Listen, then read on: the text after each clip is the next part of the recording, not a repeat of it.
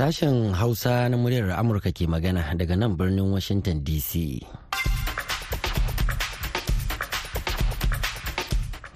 Masu saurare Assalamu alaikum barkanmu da asuba da fatan an wayi gari lafiya. Murtala Faruk sanyin na ne tare da Hauwa Sharif da sauran abokan aiki muke farin cikin kasancewa da ku a cikin shirinmu na safiyar yau Litinin 15 ga watan Janairun shekara ta 2024. Kafin ku ji abubuwan da muke tafa da su ga Hauwa da kanun labarai. Majalisar Ministocin Isra'ila ta fara wani taro cikin sauri domin amincewa da wani gyaran fuska ga kasafin kuɗin shekarar 2024.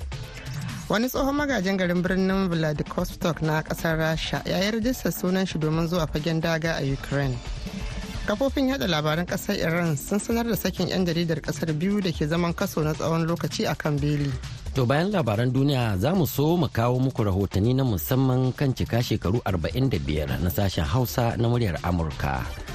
A najeriya 'yan ƙasar musamman masu fashin baki na bayyana damuwa da kamun ludayin 'yan wasan ƙasar na super eagles a gasar ƙwallon kafa ta cin kofin nahiyar afirka ta bana. Ya kamata ya kasance a ce su ɗauki maki uku to amma sai ga shi makin ya zama ɗaya da su da equatorial guinea. Super eagles kan gaskiya sai dai mu ce dai kawai sai yadda ta yi a wannan karon. Za mu kawo muku shirin ciki da gaskiya. To amma kafin duka waɗannan sai a gyara zama domin jin labaran duniya tukunna. jama'a assalamu alaikum barkamu da asuba ga labaran mai karantawa hawa sharif. A ranar lahadin nan ne majalisar ministocin isra'ila ta fara wani taro cikin sauri domin amincewa da wani gyaran fuska ga kasafin kuɗin shekarar 2024 domin samar da gagarumin ƙari akan kuɗin da za a kashe a yaƙin da ƙasar ke yi da ƙungiyar jihadin musuluncin falastinawa ta hamas. Tattaunawar da ta kai har cikin talatainin dare inda mai yiwuwa sai a safiyar yau litinin ne za a samu damar kada ƙuri'a. A bara dai isra'ila ta amince da kasafin kuɗi na shekaru biyu a jere shekarar 2023 da shekarar 2024 amma yaƙin da take yi da hamas ya girgiza lissafin lissafin kuɗin gwamnati da ya buƙaci sauye-sauye a kasafin kuɗi da ma ƙarin kashe kuɗaɗe. Ƙasar na buƙatar ƙarin biliyoyin shekels domin gudanar da ayyukan soji bayar da diya ga sojojin jiran kota kwana da duban ɗaruruwan mutanen da ke zaune a kan iyaka da aka ɗaiɗaita da ma waɗanda harin na mayaƙan hamas na ranar bakwai ga watan oktoba ya ritsa da su. Wani tsohon magajin garin birnin vladivostok na ƙasar rasha ya yi rajistar sunan shi domin zuwa fagen daga a ukraine bayan da aka ɗaure shi tsawon shekaru sha biyu a gidan maza bisa laifin cin hanci da rashawa kamar yadda jaridar commerson ta ruwaito a jiya lahadi cewar lauyan shi. A bara ne aka ɗaure tsohon magajin garin vladivostok oleg gumeyanyok har tsawon shekaru sha biyu a gidan kaso. Sakamakon samun shi da laifin cin hanci na kuɗi roberts miliyan 38 kwatankwacin dala amurka 432 ya kasance magajin gari a tsakanin shekarar 2018 zuwa 2021 mukamin da ya ajiye a tsakiyar caccakar da ya riƙa sha kan ayyukan shi a matsayin ƙarami da babban jami'i a ƙasar an da ya umarci goma york da ya kasance a ɓangaren sojojin da aka tura shi tun a ranar 12 ga watan disamba bara cewar lauyan shi andre kitiye dubban ɗaruruwan bursunonin rasha suka amince su yi aiki a ukraine domin cin gajiyar dama da aka bayar ta samun afuwa ga duk wanda ya baro fagen daga a raye. A jiya lahadi ne manyan masu bayar da shawara kan al'amuran tsaro daga ƙasashen duniya 83 suka hallara a birnin davos na ƙasar switzerland domin halartar taro kan tattalin arzikin duniya da tattauna wasu jerin tsare-tsare goma na samar da zaman lafiya a ukraine da kiev ta fitar a matsayin kudurori na kawo ƙarshen yaƙin da take yi da rasha. Wannan dai shine taro irin shi na huɗu da ukraine din ke shiryawa domin baje shirin shugaba vladimir zelensky wanda ke kira ga rasha na tafi ce kacokan daga yankunan ukraine. Tawagar ƙasashen 83 da suka halarci taron sun hada da ƙasashe 18 daga yankin asiya sai ƙasashe 12 daga afirka. Waɗanda adadi ne mai girma da ya halarci makamancin irin wannan taron da aka gudanar a ƙasar malta a watan oktoban bara. An kuma gudanar da irin taron a kafin hagen da wani wato da kuma wani irin taron a birnin jidda. Wakilan ɓangarorin tsaron ƙasashe da suka halarci taron sun hada da ƙasashe masu tasowar ƙarfin tattalin arziki irin su brazil da india da saudi arabia da afirka ta kudu wanda baki ɗayansu suka kasance kawaye ga ƙasashen china da rasha. To an jima kaɗan Hauwa za ta sake shigowa da labaran duniya kashi na biyu. To amma kafin nan a ranar 21 ga watan nan na Janairu ne sashen Hausa na muryar Amurka yake cika shekaru 45 da kafuwa da kuma ci gaba da watso muku shirye-shirye. Akan haka ne muka shirya kawo muku rahotanni na musamman har ma da ra'ayoyin jama'a kan wannan lamarin inda za mu soma daga jihar Niger Najeriya ga Mustapha Nasiru Batsari. Da dama daga cikin waɗanda suka tofa albarkacin bakinsu sun yabawa sashen Hausa na muryar Amurka akan jajircewa wajen faɗakar da al'umma musamman masu jin harshen Hausa akan halin da duniya ke ciki. Cika sauran mina Alhaji Suleiman Yahaya Babangida ya ce a matsayinsu na Hausawa suna alfahari da wannan tashar rediyo. kuma suna yabawa ma'aikatan rediyon akan jajircewarsu wajen samo bayanai domin faɗakar da al'umma. Muna alfahari a matsayinmu na Hausawa wanda yake su an taimaka jama'a wanda ba su jin harshen turanci suna jin labarai masu mahimmanci da suke faruwa a duniya. haka wannan gido dole abin yabawa ne kuma shekarun da suka kai ko a shi ake cewa daga shekara arba'in mutum ya zama cikakken mutum. To shi ma dai sardaunan ilori a jihar Kwara Alhaji Shehu zaman lafiya ya ce suna cike da farin ciki akan yadda sashen Hausa na muryar Amurka ke fassara labarai daidai da yadda kowane mai jin Hausa zai fahimci abin da aka bayyana. Mu gaskiya wannan sashen naku inda kuke bayanunukan nan yana wayar da mu yana wayar da mu ko muna jin daɗin bayanunukan ku game da maganar sashen afirka ɗin nan yadda kuke faɗi mana fassara kowa tun da mutum kowanne irin mutum yana jin hausan ku ni dai ina daga cikin mai farin ciki da allah ya sa aka samu dogon lokaci irin wannan kuma kuna yin wannan sana'a To mai martaba sarkin Sudan na Kwantagora a jihar Niger, Alhaji Muhammadu Barau Ma'azu na biyu, ya ce tun suna yara ƙanana suka dogara da sashen Hausa na muryar Amurka wajen samun labarai da suka shafi duniya. Ita wannan gidan rediyo da wasu Amurka tun da aka fata mun san lokacin muna yara. wanda ke kuma mun sa a lokacin nan babu wasu kafafen yada labarai da dama a lokacin ba irin su ba su ba amerika din ba a lokacin kana son ka samu kowane labari na duniya ko na gida ko na waje to sai ta ba su ba amerika din za ka samu wanda da kuma sun yi ƙoƙari sosai na yada alfana ga mutanen karkara da na birni domin lokacin da ba kowa ke da wutar lantarki ba balle ya ce zai gani a tv ko kuma zai kunna rediyo da wuta. Amma lokacin ko mutum kauye mutumin daji yana dan ƙaramin rediyo wanda zai sa batir ɗin shi ya buɗe ya ji labarai abin da ke faruwa a cikin ƙasa da kuma duniya ba. To shugaban ƙungiyar muryar talaka a Najeriya Alhaji Zaidu Bala ƙofa sabuwa birnin Kebbi. Ya ce sashen hausa na muryar amurka tamkar wata jami'a ce a wajensu. to gaskiya sashen hausa waɗannan shekaru da ya kwashe sama da arba'in ba ƙaramin abin a yaba na ba kuma a jinjina. Saboda kun ƙirƙiro shirarruka masu mahimmanci sosai waɗanda sun kai wayar da al'umma musamman ma ƙasashen da ka unhwani da harshen hausa.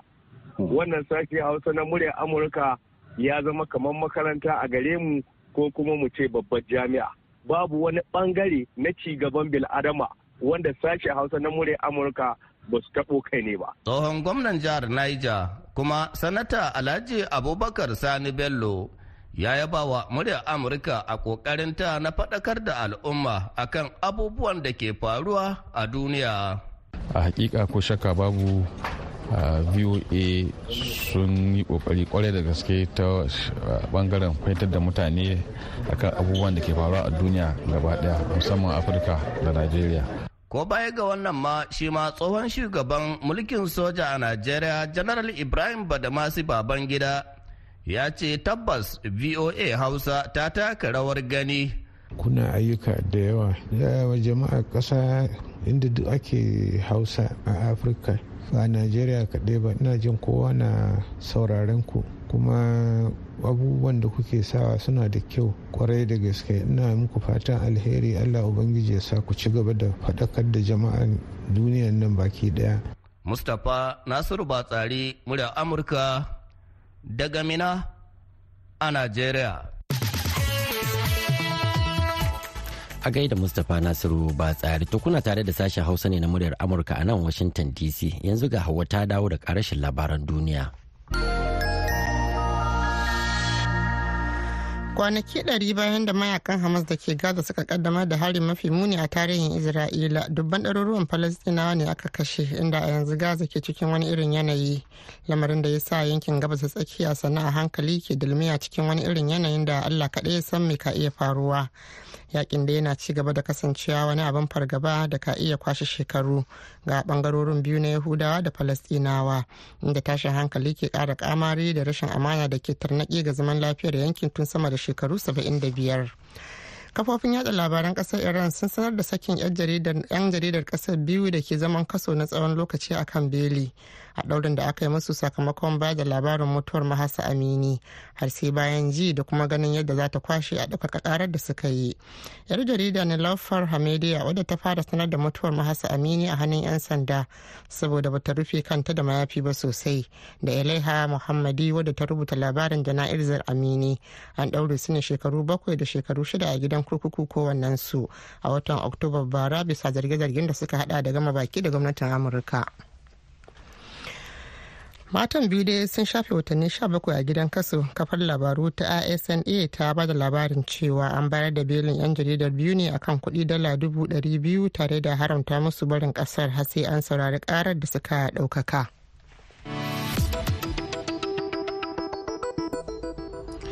Hawa Sharif kenan aka saurara da labaran duniya daga nan sashen Hausa na muryar Amurka a Washington DC.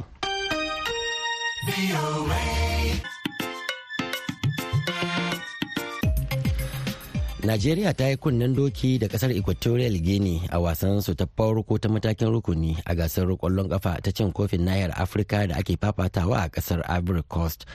To sai dai da alama sakamakon wasan bai yi wa 'yan ƙasar daɗi ba. inda ma wasu masu fashin baki ke cewa da sake umar faruk bukoyum dan jarida ne kuma mai sharhi kan lamuran wasanni a najeriya wasan da aka buga yau tsakanin najeriya da equatorial guinea gaskiya wasa ce wacce za a iya cewa gaskiya ba ta yi ma najeriya daɗi ba saboda super eagle ya kamata ya kasance a ce su ɗauki maki uku to amma sai gashi makin ya zama ɗaya da su da equatorial guinea wanda jiya mun ga mai masaukin baki ita cote d'ivoire da ainihin guinea bissau cote d'ivoire ta ci su uku ba biyu ba ko ɗaya ma'ana ita tana da maki uku kenan wanda zagaye na biyu da za a yi tsakanin najeriya da ita mai masaukin baki cote d'ivoire kaga ya zama ma Najeriya dole sai ta ci wannan wasan. To ya za ka bayyana ƙarfin 'yan wasan ita Najeriya da kuma wataƙila irin damar da take da ita na iya lashe gasar ta bana. 'Yan wasan da Najeriya ta zo da su a wannan karan gaskiyar magana akwai jan aiki sosai saboda 'yan bayan Najeriya kamar shi a jahidin nan da shi Ekong a hakikanin gaskiya ba jazartattu ba ne. Kuma shi kan shi mai kama ƙwallo na baya na ma'ana gola golan ba wani kwararre ba ne saboda daga South Africa a yake buga wasan shi. So hakikanin gaskiya akwai jan aiki sosai a gaba. Gaban Najeriya. Yanzu ya zama mata dole wasanta na zagaye na biyu sai ta ci mai masaukin baki wanda yake na da wahala. Sannan kuma su kansu Gini Bisau ba kan wallasa ba ne. Hakikanin gaskiya kuma shi dan wasan tsakiya ma'ana Yusuf Alasan ya taka rawa sosai yau sai kuma gashi ya ji ciwo. So yanzu kawo wanda zai madadin shi akwai jan aiki. Super eagle kan gaskiya sai dai mu ce dai kawai sai yadda ta yi a wannan karon. Saboda mutum biyu da zai fito a kowane group. So za mu tsaya mu ga wasan su na biyu da su da mai masaukin baki ya za ta kasance. Umar faruk bukuyum kenan dan jarida kuma mai fashin baki kan lamurin wasanni a najeriya. To a ɗaya ɓangaren kuma tsohon dan majalisar dattawan najeriya daga jihar kaduna comrade shehu sani ya ta'allaka matsalolin da ƙungiyar ta super eagles ta najeriya take fuskanta da kalubalen da suka dabaibaye shugabanci da tsari da kuma gudanarwa kamar yadda za ku ji a tattaunawar da muka yi da shi. In ka ƙwallon da ake yi a da da ake a da fa an yan ƙwallon ne da wanda suke ƙwallo kan titi daga nan suka fara. Ka duba tarihi ka duba yanzu shego a daibami su krisan ciku su daniel amokaci su rashid yakini su wayannan mutane da suka da can an yi tim tim a najeriya da sun da bentis united national ranchers bees raka rovers golden star da sauransu ICC System Trust Rangers International Mighty Jet na Jos da su UNTL da kaduna rock da sauransu. Amma nan an kwaso yara yaran masu jin daɗi masu kuɗi yaran manyan mutane. An kai su wani football academy. Daga nan an kwashe su an kai su ƙasan waje. Shi kenan sun yi suna. Wani ma za a ɗauko shi saboda jani jikin shi ko yana da gashin kai ko yana da wani fuska mai kyau ko kyakkyawa ne ba. An ɗauko shi an sa shi. Bugu da ya riga an ci su an dawo da Najeriya. Ni amfanin wannan. Kullum muna ta kashe kuɗi a aikin maza ka duba haka ne alif ɗari tamanin lokacin da shagari da su shegun wadda ya bawa kisan ciko ya manoka suka ci wannan covid da ka duba abin da ya faru. A tara casa'in da shida shi ma wannan lokacin casa'in da huɗu kai suka ci. Ka duba dubu biyu da sha uku aka ci wannan covid. Za ka ga wa'annan ƙwallon ne wanda suke da kiyin kasa irin su saba kwarani amma wannan ka zo daga turai ka ci kwai ka ci nama kana tafiya kana filiki haka ka shigo cikin fili ba ka son ma a taba kai shi yasa ƙwallon da suke yi a turai ba irin wanda suke mana yanzu suka zo da gobe To sai ku biyo mu a shirinmu na hantsi domin jin cikon wannan tattaunawa da tsohon dan majalisar dattawan Najeriya daga jihar Kaduna, Comrade Shehu Sani. Yanzu kuma ga Sarfilu Hashim ya shigo da shirin ciki da gaskiya.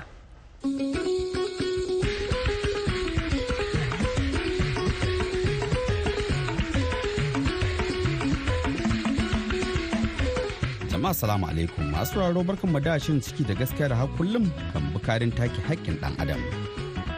A yau za mu ɗaura kan dambarar aure tsakanin wasu ma'aurata biyu kuma 'yan uwan juna. Ku biyo mu cikin shirin. Sunana sarfil hashim gumel.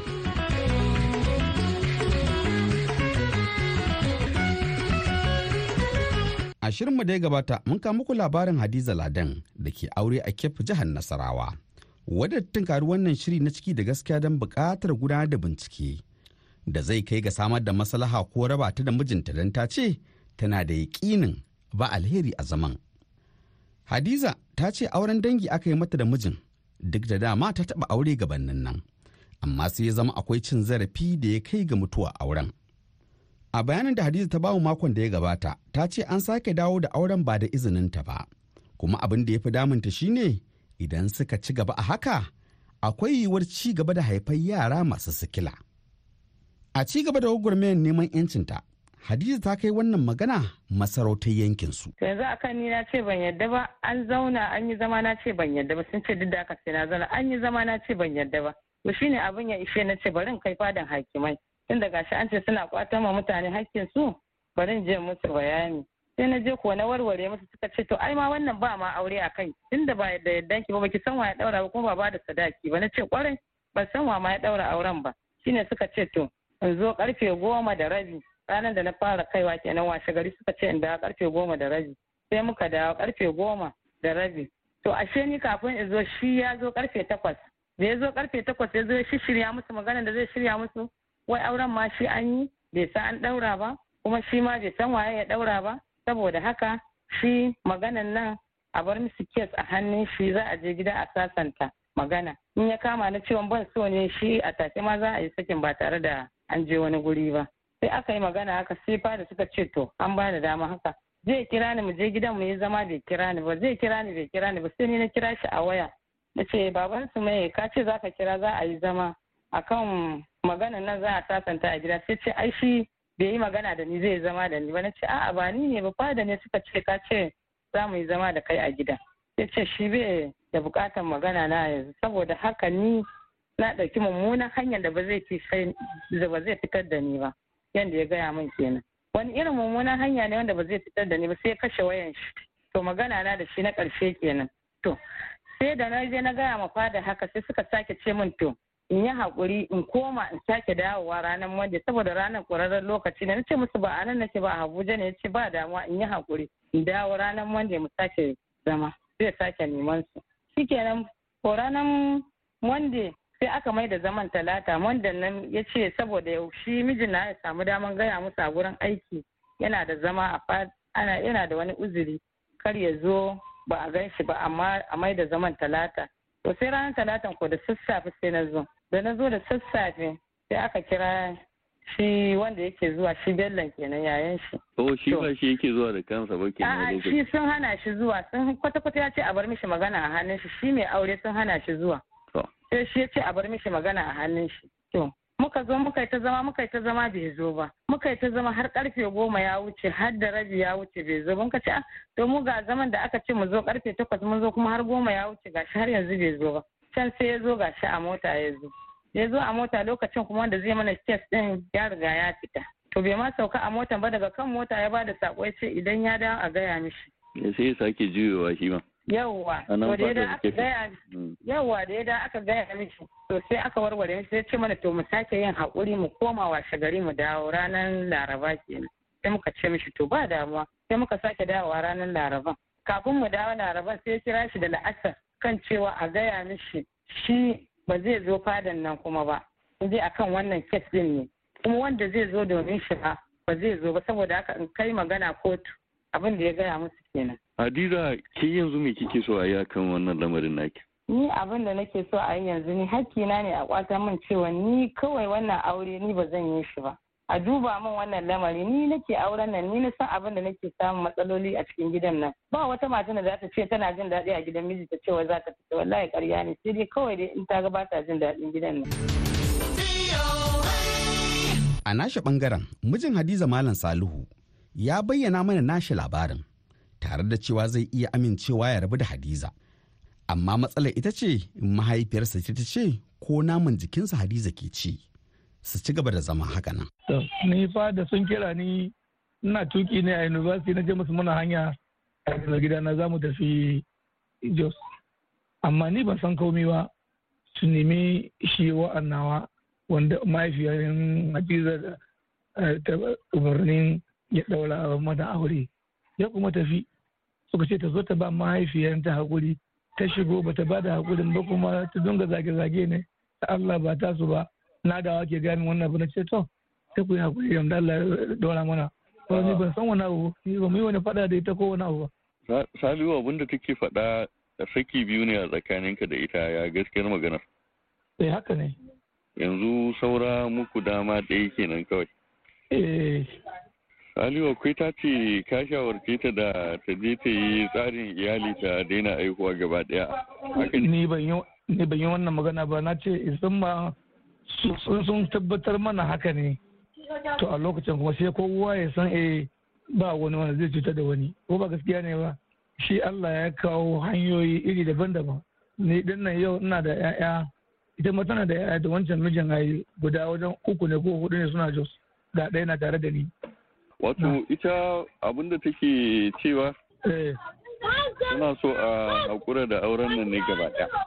To, wannan magana yau inda kamar kai ne ka ɗaura min aure kai! Da yau kai ne ka ɗaura min aure san ce duk hukuncin da kai kai daidai. Saboda ni ina nan da har yanzu nan da igiyan da ba da man tsallake shi ne igiya guda da shi ne mahaifiyana. Kuma mahaifiyar nan nawa kuma ita ne ita ne kuma mahaifinta. Na gane. Wato abin da ake dubawa in an fahimtar da mahaifiyar wannan maganar maimakon ana aihuwar yara tunda ita ta dage tana son aihuwa na aihuwar yara da za su na samun matsala. To ita ta ce raba auren ba wai don ba ta ƙaunar ka ba a raba auren zai fi alheri. To shi ne kaji na ce maka ai ni yanzu nan ka ji umarnin da aka faɗa mahaifiya na ta ajiye mana ko? Ta ce yau idan ana tana ɗiba nama na in yi haƙuri. Kuma secondly kuma ta sake ce min ita ita wa'an namu gaba ɗaya babban mu gaba ɗaya zan bai mai da auren nan ba ta a kiyama. To kaga kuma yau idan kai yau zaka zo ka same ta duk hukuncin da kuka yi a kaina ni san iya ce muku to ga abin da ni nake buƙata. Yanzu in an yi tawaga salihu za a je wajen mahaifiyar taka kai ka amince a je a same ta a fahimtar da ita wannan labari? Wannan duk abun da za ku yi ina ganin an yi zaman nan an kai ta tara ta ce duk family din gaba ɗaya tana son gani duka kuma sun zo ta kuma gaya musu. Sai shi ɗaya daga cikin mai ce min to zai sake yawo ya sa ya ga kannanta gaba ɗaya abin da aka tsaya kenan. Ban san wani magana ko baya ga wannan ba. Jin wannan batu na mijin hadiza. Shirin ciki da gaskiya ya sake jin ta bakin limamin da ya kulla tare da sake ɗaura auren malam abubakar sa'id. Wanda ya gargaɗin lalle abu wannan batu sannan a hankali don samar da maslaha. To ai tana da wali ta koma ai qur'ani ya riga ya kawo mafita idan aka samu rashin jituwa tsakanin miji da mata. Su koma su zauna fa asu hakama min ahlihi wa hakama min ahliha. Abinda Allah ya faɗa mana kenan da iyalanta da iyalan mijin su ta da wakilai a yi zama. In dai daga tsakaninsu da Allah suna nufin gyara samu gyara akan wannan. Tunda ba ta so ai ba ya aure ta kasuwa ba ne akwai ta da waliyai ta mai da al'amarin zuwa ga waliyanta su nemi waliyi su nemi shi hakaman min ahli wa hakaman min ahli idan suka zauna Allah zai kawo su fita cikin al'amarin shi ya kama fita kenan malam lafiya. Eh wato ma'ana shi abin da yake cewa maganar mahaifiyarsa ce wace take cewa cikin sharuɗanta cewa sam sam bata yadda ba wato ma'ana ko da bayan ranta ne ko da ita hadiza tana yankan naman jikinsa ne ba ta zai rabu da ita ba. Shi ba don haka ba ya baya cikin maganar auren nan shi ma. Abin da ya faɗa muku kenan ko abin da ya faɗa abin da ya faɗa abin da ya faɗa kenan. Ko kaga wannan sai ku mai da shi zuwa ga iyalan nasi fa ba su haka min ahlihi wa haka min ahliha. A mai da shi zuwa ga waliyanta da wakilai zauna Allah kawo su fitar al'amari. Kina ga abin da ya faɗa muku. Da haka yanzu kaga tun da harkan uwa ya taso cikin al'amarin abu ne wanda yake buƙata a yi taka tsantsan ƙwarai a kai hankali ne ciki saboda al'amarin iyaye ba ƙaramin al'amari ne ba. Yana buƙata kai hankali ne sosai. Da haka tun daga kaman da ya faɗi dole a mai da al'amarin zuwa ga su haka min ahali da haka min ahali su zauna malam nasu su nemi mafita akan al'amarin nan. Tabbatar da al'amarin ne.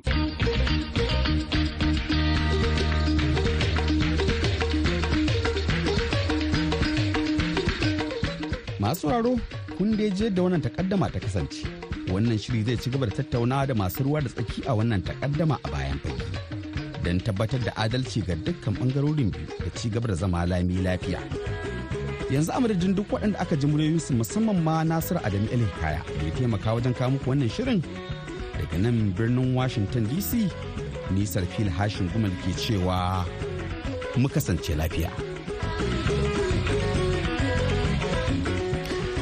To madalla a gaida Sarfilu Hashim Gumel masu saurare kafin mu ci gaba ga wannan sako.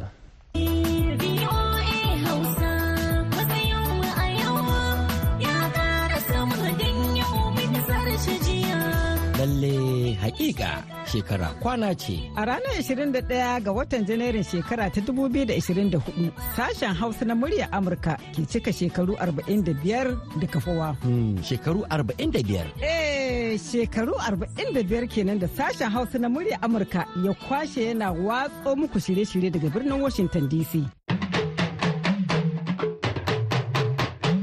kamar kullum wannan karon ma mun yi sauye-sauye a tsarin shirye-shiryenmu domin daidaicewa da zamani da kuma biyan bukatun ku masu saurare. Mun fito da wasu sabbin shirye-shirye na rediyo da suka hada da daga kawayenmu. Zamantakewa da Allah ɗaya gari bamban. Da kuma dandalin 'yan jarida. Lokutan muna nan ba su canja ba. Haka ma, mitocin da ake kama mu ma ba su sauya ba. Zamani riga a ɓangaren talabijin ma mun yi muku kyakkyawan tanadi tare da ƙirƙiro sabon shirin nishaɗi na dardumar BOA. Haka kuma a gefen sadarwa ta zamani za ku ga sauyi a dukkan shafukanmu na intanet tare da sabbin shafuka na duniya Amurka da tafiya mabuɗin ilimi har ma da ingantaccen shirin na na ji na gani da ke kawo muku faruwar al'amura kai tsaye a duk faɗin duniya. Sashen Hausa na muryar Amurka majiya kwakwara ta yada labarai da rahotanni. Ku kasance tare da mu a ko da yaushe domin biyan bukatunku shine muradinmu.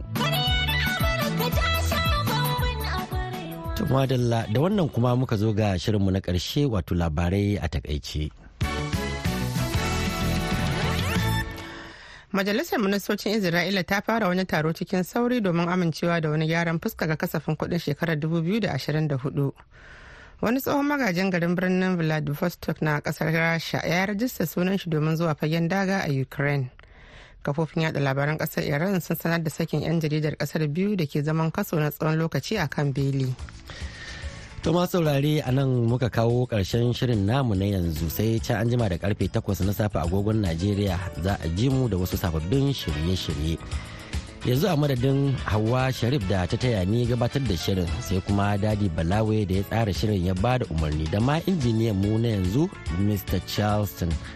Murtala Faruk Sanyin na ke muku fatan alkhairi ma'assalam.